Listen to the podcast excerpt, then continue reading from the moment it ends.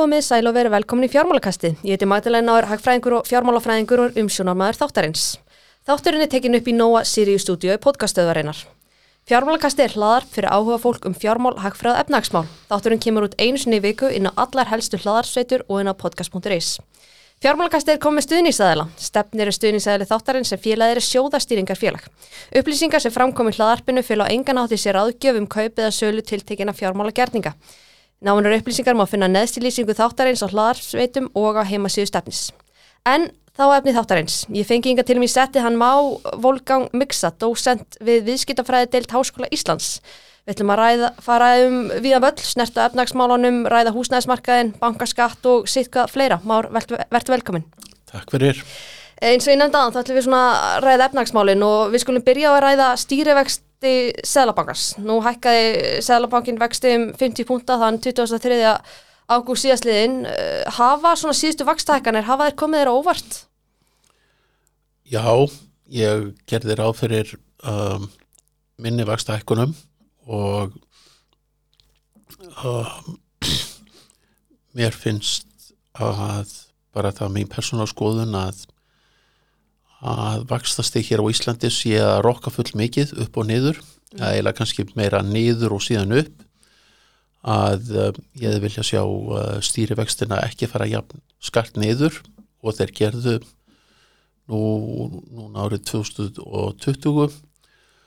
og mér finnst það líka að hafa meður að þeir hafa hækkað svona mikið, svona sérstaklega í ljósi þess að að útlandbanka til heimila miðast mikið við stýrivexti og uh, er, uh, þetta gerir það verkum að fyrirsjáleiki fólks með heimilisbókald sem að skuldar peninga verðum minni. Þannig að já, ég gerði ráð fyrir minni vaksta hækkunum Um, að því sögðu þá er kannski líka rétt að hafa í huga að stýrivextir er oft mikil samfélni og nánast alltaf samfélni með stýrivöxtum og verðbólku hverju sinni. Þannig að uh, þannig það er ekki kannski sælabankin sem er að skapa þessa verðbólku það eru aðrir utan að koma til þættir en vissulega þá uh, má segja að það hefði ólíða verið sett á eldin varðandi húsnæðisverð þegar stýrivextir voru lækkaðir jafn bratt og raun átti sér stað árið 2020 og uh, böngu var bannað að greið út argreðslur og, og eða kaupa eigin pening, eigin, eigin hlutabref. Einmitt. Nú hefur verið stundum rætt um hvort Sæðalabankin sé að hækka vexti núna of rætt eða skart. Hvaða svona neikvæðu afleðinga getur það haft ef svo reynist og er hægt að átta sig á því hvenar er verið að hækka vexti of skart eða er kannski bara hægt að átta sig á það eftir á? það er nú oftast bara hægt að átt að sjá því eftir á þannig að hérna þannig að hérna þannig að það, og það, það bara tengist verðbólgum, væntingum og öðru slíku. Og uh, ég og aftur það er, það er margt annað sem hefur áhrifa á efnahægin heldur en stýrivexti Sælabankans og uh, það má kannski líka sko kannski svo ég takja nú hérna hliðina og hérna og stiðji að sumuleiti aðgerði Sæðlabankans að stiðji að svona hérna að réttlæti þar frekar að þá hafa nú hefur vakstastig á Íslandi hækkað aftur eftir að góða verbulgutölur núna í haust að að þá er nú ásnarkrafa ríkisbreg að vera að hækka þannig að markarinn í held telur nú að verðbólka sé ekkert neitt á nið, niðurleið næstu nei, mánuði. Einmitt, einmitt. Uh, nú eru runnvextir svona frekar nýla orðni jákvæðir á flesta mælikvarða eftir að hafa verið uh, svona meir og minna neikvæðir frá áspyrjun 2020. Uh, er mikilvægt fyrir Sælabankans að halda þeim núna jákvæðum í ákveðin tíma eftir svona langan tíma þar sem Innistöðaðegnur hafa verið með neikvæða ávöxtun á sparna sinn eða skiptið það litlu máli eða ferða eftir efnagsástandinu eða hvernig svona sér þú þetta? Já, ég held að það sé ég held að það sé Sælabankin hafi nú voðulega lítið með það að gera. Það er uh, raunvextir þeir fylgja nú mörguleiti bara markaðnum og reynilega eftirspurn eftir fjármagni og uh, eftirspurn eftir fjármagni er aukast og það er mjög mikið og það bara, maður sér það bara aðal á sp spariskirtununum ásnarkröfunni á þeim. Og hún hefur já það má segja hún hafi bara hreinlega rókið upp síðustu mánuði og, uh, og það er kannski miklu meiri drivkraftur í þeirri þróun og, og uh, þegar, þegar það segir sér sjálft ef að ríkið þarf að fjármagna sig með verðrunum brefum á herri kröfu þá fylgja bankanir í kjölfarið og þá séu þeir kannski meiri hagið í að uh, hækka, hækka vextina á innstæðum. Þannig að þeir hveti þá fólk til þess að fjármagna starfsemi þeirra með því að leggja ná verðtriða rekninga en uh, lengi vel var var raunávustunni á verðtriðu rekningum bara, já það var eitthvað í kringum 0,15% eitthvað svoleiðis. Og fyrir afa marga þá uh, sérstaklega þá sem eru með stóra fjárhæðirinn á bankarekningum þá var það í raun neikvæð ávöxtum því að það þurfti þá að greiða skatt umfram vakstatekjum uh, umfram uh, 300.000 krónar vakstatekju hjá hverjum einstaklingi. Einmitt, uh, sérðu fyrir að við séum að horfa fram á svona hátt vaksta umhverfi á uh, næstu árum, erum við svona brend eftir að hafa lækkað vexti allt og mikið í COVID, að minnst þessi þegar maður horfður tilbaka, það er náttúrulega alltaf auðvilt að horfa tilbaka og segja að Sælabankin hefði átt að gera þetta og hitt, sko. Já, já, og, og hérna og, og uh, ég held nú að, sko, ég held þó svo, þó svo ég hef líst yfir að ég held að Sælabankin hafi hækkað vexti nóg mikið ég held að það, að það sé nú kannski ekki við hann að sagast nú verandi ástand mm -hmm. uh, eitt og sér í það minnsta mm -hmm. að sem að hérna það sem að hefur á sér staðir og bara nokkru samverkandi þættir mm -hmm. það er COVID, það er aðfangaflutningar hefur hérna hefur uh, brostið af sumu leiti og uh, eh, ólíuverð er að hækka pleifar bara núna nýlega að gefa út aðkomið vegna ólíuverðs mhm og við erum, að, við erum bara að sjá það að, að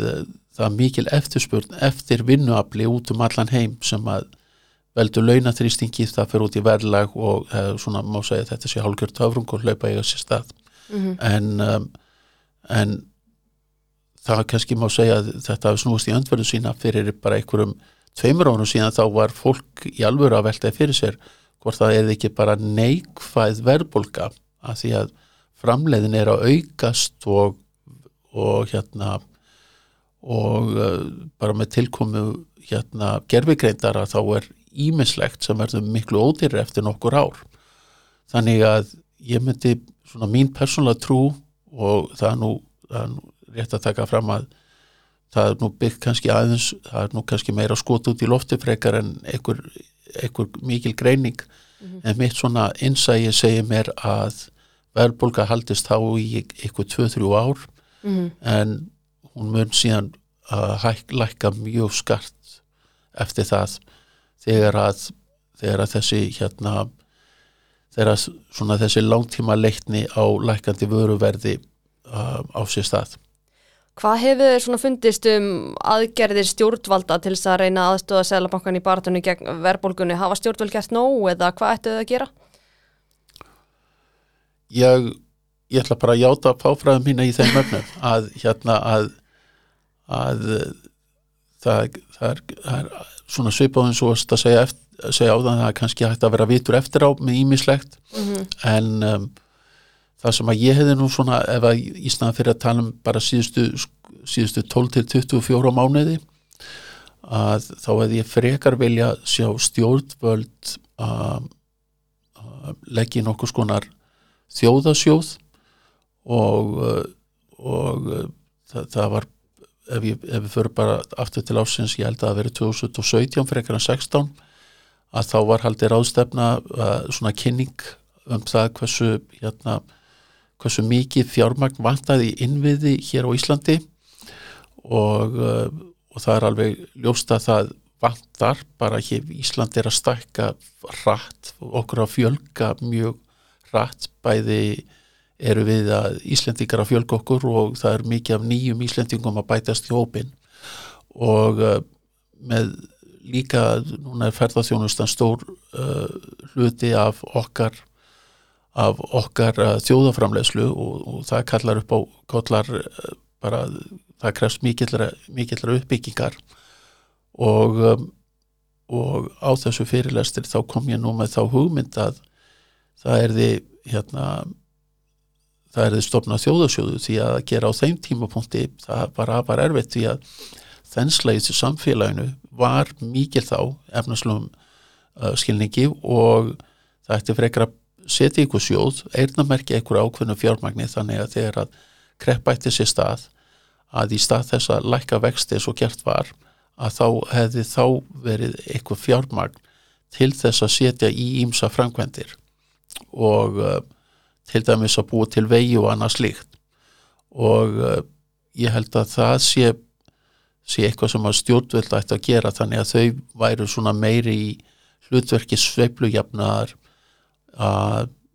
eins og í dag, staðinir í dag að þá er þið, þið þá dreyið úr framkvæmdum en þegar að harnar aftur í, harnar aftur í dalinn þá verði hérna, þá verði þetta fjármagn nýtt í eitthvað skonar uppbyggingu. Ríkistjórnin kynnti líka dögunum einhverjum svona hagraðingar aðgerir, hvernig leist þér á þær? Uh, ég, ég hef ekki sett mig í þær, þær tilugur. Ok, fyrir þá eitthvað annað. en hérna, nú stýttist í að kjærasamlingar losni aftur og hérna uh, sami verður á nýju upphafa árs. Áttu vona á svona hörðum viðræðum og tilur að það sé mikilvægt að það sé sami til lengri tíma í þetta sinn en ekki svona til uh, skamstíma eins og að gert það síðast ári? Já, ég held að það þurfa er til lengri tíma og uh, nú ætla ég ekki að þykjast vita hvað stefnu, langtíma stefna í að vera lög sko fram í þeim efnum en það þarf að vera það, er, það þarf að vera einhvers konar langtíma markmið í gangi og, uh, og, og tryggja það að það sé hagur allra að ná einhvers konar stuðuleika hér á Íslandi. Um, hafandi sagt að, að þá er þó svo verbulga hafi gert að verkum að launahækkanir að raunverði hafi ekki skila sér eins og skildi að þá er þó hérna þá ha, hérna þá er það uh, það getur margt verra á sér stað. Og þessi verbulga sem er eiga sér stað núna hún er að sumu leiti komið til að því að hér er svo mikill uppgangur. Og uh, það er bara vöndun á starfskröftum á Íslandi. Um, það væri miklu verra ástand ef að hér væri aðtunuleysi og uh, ef ég þurfti að velja á milli tveggja þá myndi ég fyrir ekki að vilja sjá að, flestir hefðu vinnu og það væri aðeins meiri verbulga heldur en að það væri hér aðtunleysi gangi uh, og verbulgu þrýstingurum væri minni en það er svona, það er svona segi ég, það væri gott að fá eitthvað skonar langtíma samlingar næst mm -hmm. til að skapa stuðuleika í staðin fyrir að vera með einhverja bútasveima hér og þar uh, sem að uh, þar síðan að ráðast í að endur gera tólmánu setna. Mm -hmm. En býstu við að kæra viðræðnar verði stremnar? Ég held að það sé bara alveg auðséð. Einmitt, uh, skri, aðeins að öðru, þú skrifaðir hérna pistil sem byrtist í viðskiptablaðinu uh, í síðustu viku þar sem þú nefndir að hérna það gæti uh, svona reynst físilegt að tengja fastegnarlán við húsnæðisvísutölu uh, til þess meðal annars að tryggja stuðleika fastegnamarkaði. Getur svona sagt uh, hlustendum stuttlega frá þessari hugmynd og hérna hafa einhver lönd prófa þetta fyrirkomulag? Nei, þetta er hverki uh, þetta fyrirkomula á sér hverki staði heiminum uh, það er það er um, það eru kostir og ókostir við bæði verðtrið og óverðtrið lán. Og um, og það er búið að hamra mikið á bæ, báðum aðalega að hamra mikið á ókostum verðtriðra lána. Að höfustólinn að fólk eignast með verðtriðu lánum að hægt, mjög hægt uh, hlutdelt í húsnæði sínu. En það eru margir uh, flestir áttu sig ekki á því að þeir séu þó að eigna starri hlut í húsnæðinu einfallega því að þeir eru með þessu að þeir eru að lánið oft hækkar í virði. Og fæstir átt að sjá því að undirleikjandi eign þeirra húsnæðið er líka hækkandi í verði en uh, uh, en overtrilán þau hafa líka sína ákosti og það er hágreðslu byrða á þeim og um, ef við förum bara til, á, tilbaka til ásins 2008 hefðu flestir Íslendinga verið með overtrilán þá að þá hefði já, ekki slæmt ástand, skelvilegt ástand hér, það orðið bara ennskelvilegra því að það er alveg auðséð að vakstastig þá fór, fóru vextir uh, stýrivextir á ákunnu punkti, reynda bara í nokkra daga fóru upp í 80% en uh, vextir á, á ríkisbreyfum bæði stuttum og löngum fóru yfir 60% þannig að að vakstastig vakstastig hefði farið upp í 20% og þetta hefði fæstir ráði við. Og um, og uh, þetta var ekkert bara sér Íslensk fyrirbreyði í bandarækjunum þá uh, lækkaði húsnæðisverð þar og uh, um tíma þá var um það byrj fjórðungur egna í bandarækjunum með uh, þar að segja fjórðungur fólks var með neikvægt eigi fyrir í húsnæði sínu. Það er húsnæði lækka svo mikið verði og uh, overtreyðu lánin sem eru ríkjandi þar, þau stóði í stað, höfustólinn, þannig að fólk sem var að reyna að selja, það var að selja en að hefði þá þurft að greið á milli til þess að gera upp lánsitt. En, uh, en ég tala um þetta í greininni að þetta séu nokkuð skonar andryggingar því að berðtröðulánin þau þau voru jável enþá verri hér á Íslandi að því leitunni til að húsnæðisverð það fjall niður í virði en verðbólka jógst mikið þannig að höfustól húsnæðislána hér á Íslandi hækkaði en húsnæðisverð uh, já, hús, verði hús, húsnæðis þeirra lækkaði. Og uh, þá eru við með þriðavalmöguleikan og það er að binda við húsnæðisvísitölu. Um, þá er bæði augljósara fyrir húsnæðseigandan þegar hann bara fær sér greiðsluseðil að þá er til tölu auðvelt að sína fram á það að hver inn á hver afborgun auki virði hú, hans í húsnæðinu að því gefnu að húsnæði sé að fylgja virði sé að fylgja vísitölu þar að segja húsnæðsvísitölu og þó svo að höfustóllin hækki virði að þá kemur greinlega fram að húsnæðið ætti líka að hækka í verðið og að eignar hluturinn sé að aukast. Og það er líka ákveðin trygging í þessu fyrir húsnæðsegundur að ef að húsnæðsverð sem sem svo að hér eigi sér stað einhver mikil, mikil kreppa og húsnæðsverð fellur oft í verði í einhverju slíkum aðstæðum að þá lækkar höfustólinn samlega því að húsnæðsverðs fólk húsnæðisverð uh, já, verði húsnæðisfólks uh, fellur í verði. Þannig að eignar hlutur fólks hann helst á stöðugur og uh, það er kannski rétt að minna á það að fjöldi fólks í kreppunni miklu hér framhald á hruninu misti húsnæði sitt, fór á uh, leikumarkað og hefur átt í erfileikum með að kaupa húsnæði á nýjan leik því að jú, allur sparnaði þeirra gufað upp í hruninu. Þannig að er svona, þetta er svona helstu röki fyrir því að miða húsnæðisverð að, já, miða húsnæðisverð að miða uh, húsnæðislán við einfallega húsnæðisverð en ekki hversu mikil óli róttetan kostar hversu mikil uh, serióspakkin kostar eða aðri þættir Einmitt, en fyrir utan þetta fyrirkomulega sem við nefnir, telur þú að stjórnvöld geti almennt haft einhver áhrif á húsnæðis og legumarkaðin sem muni koma til með að virka, einhvers konar stýringi eða reglur eins og eh, leguð það ekki eitthvað svona, er það einhver lausnið að þarf bara einfalla að byggja meira? Hvað segir þú? Um, já, það þarf að virkja byggingamarkaðin og uh, það þarf að uh, að mínum að þið finnst mér það alveg fráleitt að, að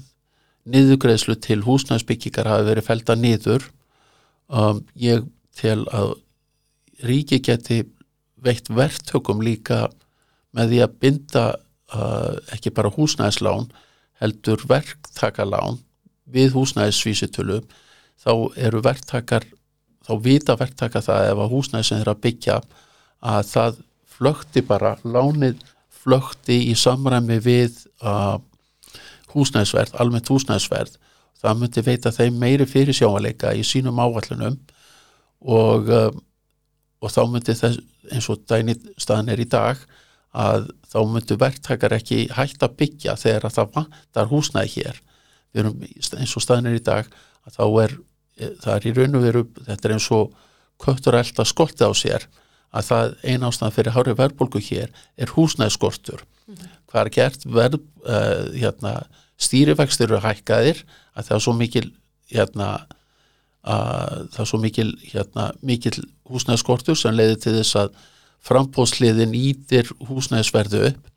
en það tekur líka uh, verðtaka afmarkaði þeir hætta við framkvæmdir þannig að það verður enn minna frambóð á húsnæði Nú uh, það væri líka hægt að að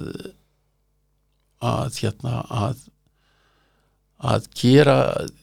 koma til framkvæmda bara einhvers konar hérna einhvers konar uh, einhvers konar hérna já hvernig var það að það er lóði sem eru útlutaðar. Að það verði bara einhver x langa tími sem að hægt er að gera að byggja húsna á þeim lóðum. Og uh, eins og staðin í dag þá er, er hérna, tölvöld mikið af, af uh, ónótum lóðum á höfuborgarsvæðinu sem að, að þyrti þá að koma í framkvæmt og það þyrti líka að stýra og það er ekki getið gert það að stýra að hvurskonar húsnaði vera að byggja og ég hérna og, og mér finnst það ekkert vera frálegt að ríkið myndi gefa einhverja afslætti til þess að það verði byggt hér húsnæði fyrir fólk. En uh, áherslan er í mörgu tilfellum að byggja hótel og staði sem að tengja sferðarþjónustunni sem að uh, er allt í lagi sjálfu sér en þegar áherslan er komin of mikið í þáttina í staðan fyrir að byggja húsnæði undir bara fólki þá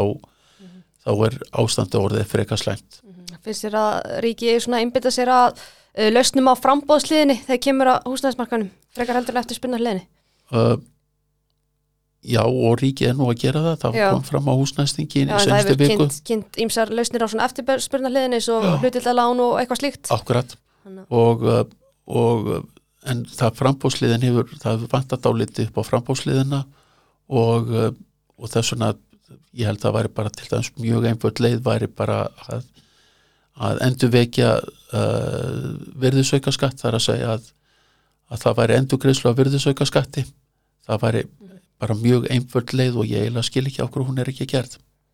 Einmitt, uh, aðeins svona almenntu fastingnavarka en nú hefur hann svona verið að kóluna verulega og við höfum síðan ákveðna lækkanur undanförnu. Eh, er það trend sem verður líklega áfram með að vextir eru svona háir? Hvernig meður þú horfinnar á fastegnamarkan? Það er mjög erfitt að segja. Já. Því að hérna uh, því að uh, eftirspurning er ennþá mjög mikil og það er viðbúið að þeirra vexti læki að þá að þá losi til um þetta tómarum mynd, sem hefur myndast núna í þessari hreinu vaksta hækkana um, og að eftirspunni færi aftur upp. En svona í ljósi þess hversu mikið fastegnaverð hefur hækkað umfram launum til dæmis að þá þyrti ekki mikið bakslag eiga sér stað til þess að fastegnaverð falli tölverð mikið mm -hmm. um, ég ætla að taka fram að ég býst ekki við því nöðsulega en það kemur mér ekki kemur mér ekki óvart að fastegnaverð eigi eftir að læka enn frekar mm -hmm. og hérna Hvernig þá bakslag? Það þurft ekki nefna bara einhvers konar hérna uh, bara samdráttur í samfélaginu að ef að það kemur einhvers konar annað COVID-tilfelli eitthvað þvíum líkt að, að færri ferðamenn koma heldur en áallinni gera ráð fyrir eitthvað á þeim nótum að þá uh, þá tel ég að vera nokkuð fyrir séð að eftirspurn eftir fastegnum myndi minka og, og það sem að gera kannski jöfnuna enn flóknar er að við erum að fá svo marga nýja Íslendinga til landsins og uh, munu þeir ef að það kemur svona bakslag myndu þeir ílendast hér eða myndu þeir snúa aftur til síns heima að, sagt, til síns fyrri heima Einmitt. Uh, nú aðeins að því sem hefur verið mikið umræðinu undanfærið, nú hefur verið svona umræðum hvort að ég að setja frekari skattlækningu á bankana. Hvað svona finnst þér um þær hugmyndir? Já, það er já, það, það var gerð ágætti skísla hérna núna. Já, einmitt, ég ætlaði líka að spyrja það hvað þið finnst um hana. Já, það var þessi skísla sem að hérna sem kom út í byrjun senustu viku gjaldtaka og arsami viðskiptabankana það er ímislegt að, aðteglisverð sem er dreyið fram sama þar og uh, eitt af því sem að kemur fram til dæmis er að arsami íslensku bankana hefur af, svona af þessum reglubundna rekstri að hún hefur ekki verið betri í tölvert langa tíma. Um, það sem að vantar kannski í þerri umfjöllun er að arseminn um, árin bara í mörg ár hún var væga sagt afleitt og svo um, og það endur speiklaði svo sem í gengibankana og gengi Arjónbanka eftir að ríkiseldi hlutin að þá var um, gengi komið niður í það slóðir að það var bara réttum tveir þriðju, markasverðið var réttum tveir þriðju af innraverði bankans. Það er að segja EIFI ef það var hver, af hverjum hundrakalli EIFI bankans þá var markaðurinn að meta það þann pening á bara 65-70 krónur og uh, síðan þá hefur arseminu aukist og, uh, og skíslan ber saman uh, arsemi síðan Íslensku bankana við Norræna banka og uh, þar kemur fram að Íslensku bankarnir eru með uh, næst hæstu uh, arsemi af bengum á Norðurlöndunum. En það er kannski ekki all, öll sagan sögð þar því að hún er nánast hins sama á öllum bengum nema að Finnland, ef ég maður rétt var aðeins uh, eitthvað í kringum 8% Íslensku bankanir voru hins vegar bara með mjög svipa arsemi og bankar í Nóri og, og uh, Danmörku. Uh, en það sem að kannski kemur ekki fram í skíslunni er að vakstasti hér það er miklu harra heldur en í þessu samabörð á löndum og uh, framar í skíslunni þá er er líst hvernig að arsumiskröfur bankanar eru settar upp. Annarkvort eru bara einhverja tölu setta fram sem að ég til nú ekki vera góða lensku. En síðan eru setta fram tölur það sem að miða við ákveðna arsumi umfram uh, því þeirri ásnarkröfu sem gerðir til annarkvort langra ríkisbrefa eða stýrivaksta sæðlabankans og uh, eins og margótt hefur komið fram í fjölmiðlum þá voru bæði stýrivextir og vakstastig hjá Norðurlandathjóðunum miklu larri heldur í hérlendis. Þannig að, arseminn Norrannubankana hún er töluverð betri og eiginlega bara ef eitthvað er, hún er bara miklu betri heldur en arsemi í Íslensku bankana og miða við það sem gert, gert er til til rekstusins umfram ávættuleysu vöxtum. Ef við gefum, gefum okkur það að arsam í Íslensku bankana í árverði kringum 11% stýrivexturinn 9,25% að þá er arsemin umfram stýrivextum hún er 2% og, það, og, það, og tæpla 2% þannig að það er bara lægt að tala um að hér sé gríðalag góð arsemi af íslensku böngum um, eða bara íslenski bankar þeir getur bara hérubill lagt bara peningin inn í annar banka, íslenska banka og fengið jafngóðar sem er bara af innstæðureikningu þar. Þannig að, að eh, allt talum að hér að arðsemi íslensku bankana sé gríðilega hátt. Það bara stendst reynlega ekki skoðun og ef eitthvað er þá var arðsemi íslensku bankana óviðunandi út frá svona flestum uh, sjónamiðum, svona núverandi arðsemi að arðsemi var góð í kringum 2020 þegar vextir, vaxtastekir var miklu larra en þetta hefur snúist í öndverðu sín í dag um, síðan uh, síðan má kannski líka bent á það að eigin fjárhlutföllin að eigin fjárhlutföll íslensku bankana er, uh, eru 14% en að 10% hjá sambarulegu norrannuböngum þannig að íslenski bankar til þess að ná þessari arsemi þá þurfa þeir meiri vakstumun heldur en norrannubankanir til að ná í, ef maður lítur bara á nægvextina að ná sumu arsemi frá rekstri. Uh, og það er það, þetta er bara spurning hvað vil fyrir fórnarkostnaðurinn? Því að, að, að, að með því að hafa hæra eiginfjárhlutvall þá er reksturinn stuðuri og þá má bara segja að þetta sé bara ákveð fórnagjald sem verið sé að greiða til þess að, að vera með stöndur af fjármálakerfi. Um, og, það, og ég hef ekkert og það þarf ekkert, það er ekkert slæmt um það svo sem að segja. En uh, mér þetta er bara gaman að sjá greiningu á því, ég hef ekki séð hana hver vakstamunurinn yrði ef að eigifjárhlutföllin yrðu lækkuð hér niður í uh, uh, 10% sambarilega þó hjá Norrunaböngum og það veri vissulega gaman líka að sjá hver vakstamunurinn hvernig vakstamunurinn myndi þá breytast. Talandu um vakstamun að það er eitt sem kom fram í fjölmjölum mikið var að vakstamunur hjá íslensku böngum hefði ekki uh, hafi ekki breyst neitt. En, maður, það kemur nú bara fram í skýslunni að vakstamunur til heimila hann hefur verið að lækka og hefur reyndar fyrstu mánuði þess ás lækkað enn frekar. En uh, þó sem hans ég, mæt, ég er ekki að segja að mætti ekki lækka en uh, ástæðan fyrir þessu er að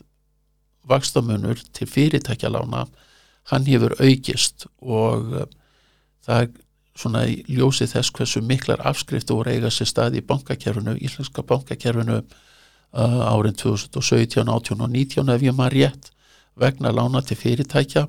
að þá er ekkert óðurlegt við það að vakstamunum til fyrirtækja hafi aukist á þessu tímabili. Um, en, en, svona, en svona það sem að ég held mætti bæta við er já hver er ef að eigifjár hlutallu væri einn sömu og skattumhverju væri að sama hvar væri svona eðlulu vakstamunur á íslensku bönkum og miða þannig við norrönu bankana og líka að vera með sumu arsemiskröfu út frá uh, álægi og ná uh, áhættulösu vöxtum. Þá væri við komið miklu betri samabörð eins og staðinir í daga þá er verið svona það, já, þetta er velunni skísla en það mætti, það mætti kafa dýbri í þetta til að vetra, veita dýbri sín á aðstæður. Einmitt, og í ljósi þess að hvað finnst þér um hugmyndir eh, viðskiptar á þeirra sem hún kemur í fjölmjölun ánast árlega, kom allavega í fyrra og kallaði þetta bankaskatti, hvað, svona, hvað finnst þér um þær hugmyndir?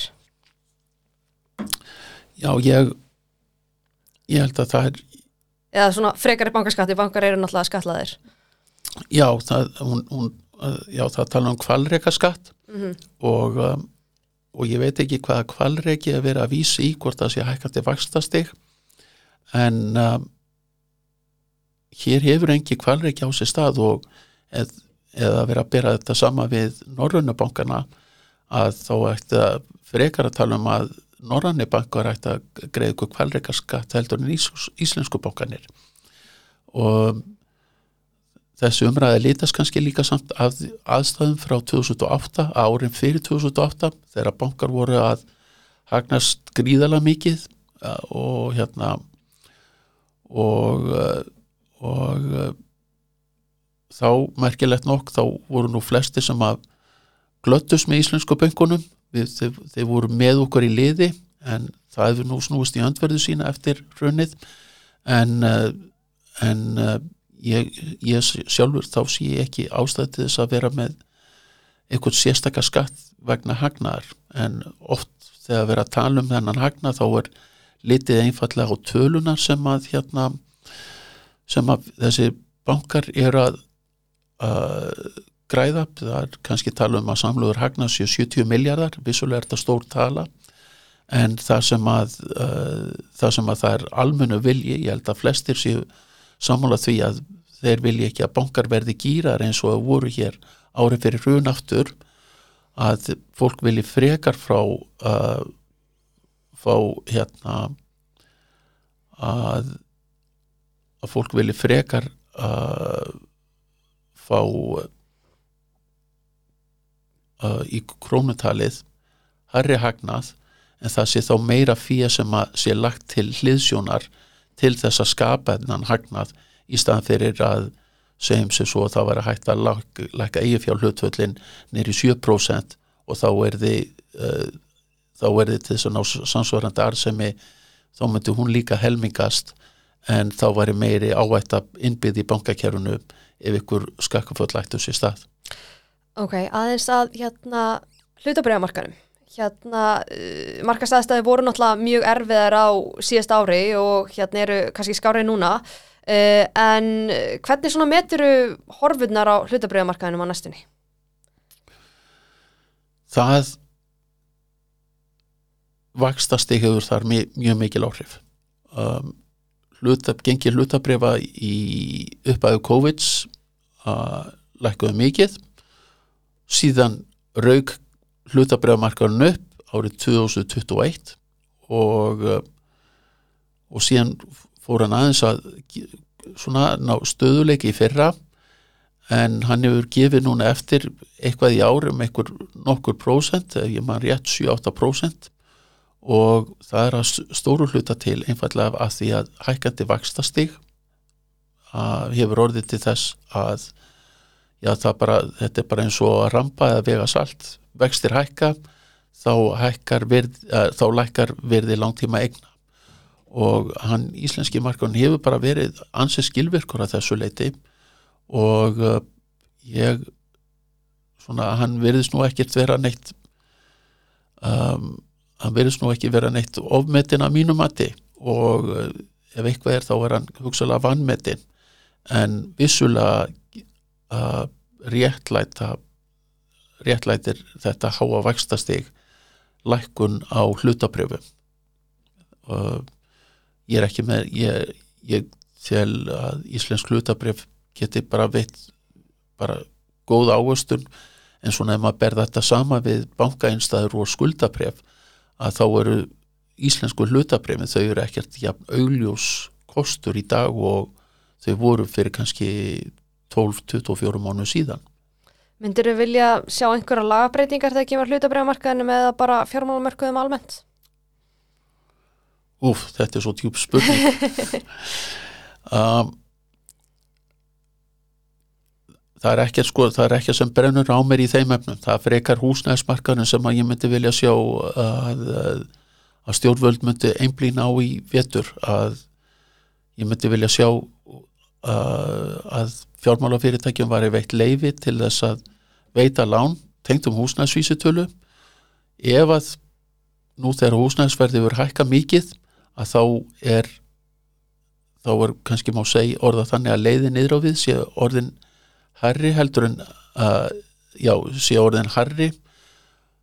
sem var að leiða niður og við sé orðin Harry hún er orðin lengri og hérna og uh, að að ef að fólk fái kost á því að tengja húsnæðislán sín, sín við húsnæðisvísitölu og það kæm ykkur afturkeppur, þetta er bara rétt eins og þú kaupið tryggingu ef að það kviknar í húsinu innbústrygginga eitthvað slang gerist að þá ertu með ákveðna trygginga á því að, að húsnæsverð myndi ekki rapa niður og að höfustólinn geti hækkað eða staði stað á sama tíma. Þannig að þú uh, þannig að við lendum ekki í því á nýjan leik að hér uh, missi fólk heimili sín umvörpum vegna þess að lána fyrirkomulagi er ekki nógu gott. Uh, bara þú spurðir á þann hvort að það væri hérna hvort þetta lánafjórn væri til annars þar í heiminum. Uh, svarið er nei við því en uh, bók sem að gefin var út 2014 sem að fjallar um áhrif húsnæðislána og aðalega um slæm áhrif húsnæðislána að höfundar þeirra bókar benda á að þeir eru með eina lausn í lok, í lokbókar þá eru með eina tillugu sem þeir leggja megin tillugu og það er þessi sama tillaga kannski rétt að taka fram að ég kom með þessa tillugu áður en þessi bók kom út þannig ég er ekki að hérna, ég er ekki afreita þessa tillugu þeirra. hún heitir House of Death mm. og hérna Mian og Sufi eru höfundar og uh, þetta, er, þetta er bara þeirra helsta tilluga tengja húsnæðislán við húsnæðisvísitölu. Og ein ástæð fyrir að þetta hefur ekki verið gert er kannski svo að lengi vel þá voru svo var svo lítil uh, þá var svo lítil lagt upp úr því að mæla verði húsegna hér á Íslandi til dæmis þá leiguvísitala hún, það var ekki byrjað að læg, reyna með einhverjum hætti, hún er ónákvæm leiguvísitalan, mælingar á henni en þó, hún gefur þó í það minnsta einhverja insýn í hvert leiguverð, hvernig þróunin er hér á Íslandi. Svo vísitala hóf ekki göngu sína hér fyrir 2011, það eru bara 11 ár síðan. Og uh, nú er húsnæðis og mannvirkjunarstofnun að vinna mjög gott verk í að, að samhæfa upplýsingagjöf, rannsóknir og annað slíkt. Og, uh, og þess vegna er kannski það er svona ekkert langt síðan að það myndast í raun og veru rými til þess að, að mæla húsnæðisverð og nota sem vísitölu um, og bara og svo ég bara svona í lokir bara bæti við að húsnæðisvísitalan hún byrja á Íslandi það var ekki fara að mæla húsnæðisvísitölu með reglubundum hætti hér fyrir 94 þannig að þetta er þetta er svona tiltöla nýtt á lánlinni að hér sé vera að mæla húsnæðisvísitölu sem að hefur áhrif á nánast alla einstaklinga en gengir hlutabrifa hefur verið mælt mikið lengur. Hérna aðeins áður en fórum okkur yfir að lettinótunum að skuldabriðamarkanum. Uh, nú hefur verðbólku álægið á skuldabriðamarkanum svona til uh, meðalangs langstíma hreifst svona frekar lítið undarfarnar mánuði þrátt fyrir vakstaðekkanir og stendur cirka í uh, 4 til 4,5% og er vel yfir verðbólgumarkmiði Sælabankans. Uh, hefur markaðurinn og fjárfæstar að einhverju leiti mist trú á verðbólgumarkmiði Sælabankans? Til skemmri tíma, já. Mm -hmm. Fyrir eitthvað augljóslega og mm -hmm. uh, það er það er bara að segja sér sjálf þegar að verðbólga er, er farin að sleikja 10% tvekjast á að tölu að þá er kannski ekki á vona á góðu um, ég, ég svona bara ég sjálfur er, ég er persónlega kannski er það bara því að ég er bara með eitthvað hérna kannski hefur eitthvað bara spröyta í mér eitthvað skonar hérna bjassinis hérna lifi. En ég gerir á fyrir að verbulga muni á eins og ég hann hún muni uh, falla og falla hratt og skart og mikið. En uh, markarinn hann greinilega gerir á fyrir töluvert harrir verbulgu um en langtímabrefin, ef maður lítur til langtímabrefa, skuldabrefa að þá veita þau samt, uh, þau svona veita merkjum það að að, að markarinn telji að þessi tímabundna verbulga nú hún mun ekki vara í lifu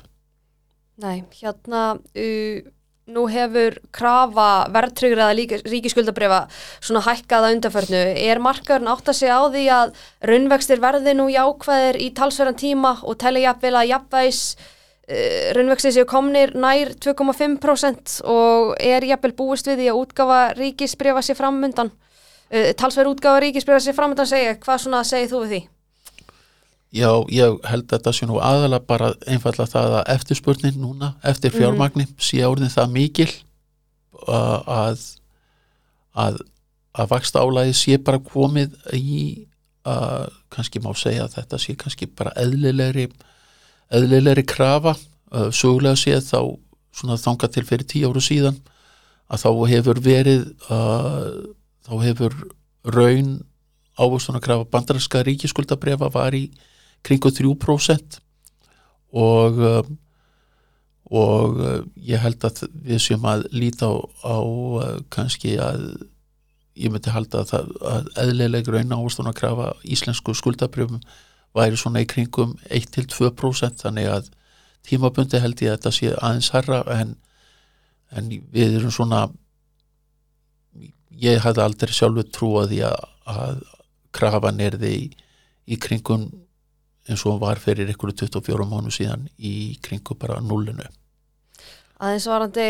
horfurnar skuldabræðamerkum svona í lokin, hvernig sér fyr, hann fyrir þér svona þróast á næstu missurum? Ég ég held að við varum farin að nálgast toppin það er að segja á kröfunni einhvern tíman um mitt síðust ár ég hafði rámt fyrir mér að krafan hefur bara hækkað en ég held að ég held að krafa muni að ég held að hún verði á okkur svipuð slóðum núna í eitthvað tíma en uh, eftir einhverja 12-24 mánuð þá held ég hún muni lækka þá rætt og skart. Um, ég ég tel ríkisbref vera góðan kost í dag. Laung ríkisbref Einmitt. Uh, að venju þá endur við þáttinn á persónlegu nótum Já. og ég hef nú fengið í þáttinn áður þannig að kannski búin að svara eitthvað að þessu hérna uh, eitthvað að þessu áður en, hérna, en kannski bara fyrir nýja hlustindur og eitthvað svo leiðis hvað hérna læraði skóla og akkur var svo fræðigrein fyrir valinu? Já, ég, ekki heimsbyggi og viðskiptafræði? jú, ég fekk gráði heimsbyggi og viðskiptafræði um, ég fór nú fyrst út í nám til þess að læra almanatengsl og komst að því að ég hafði ekki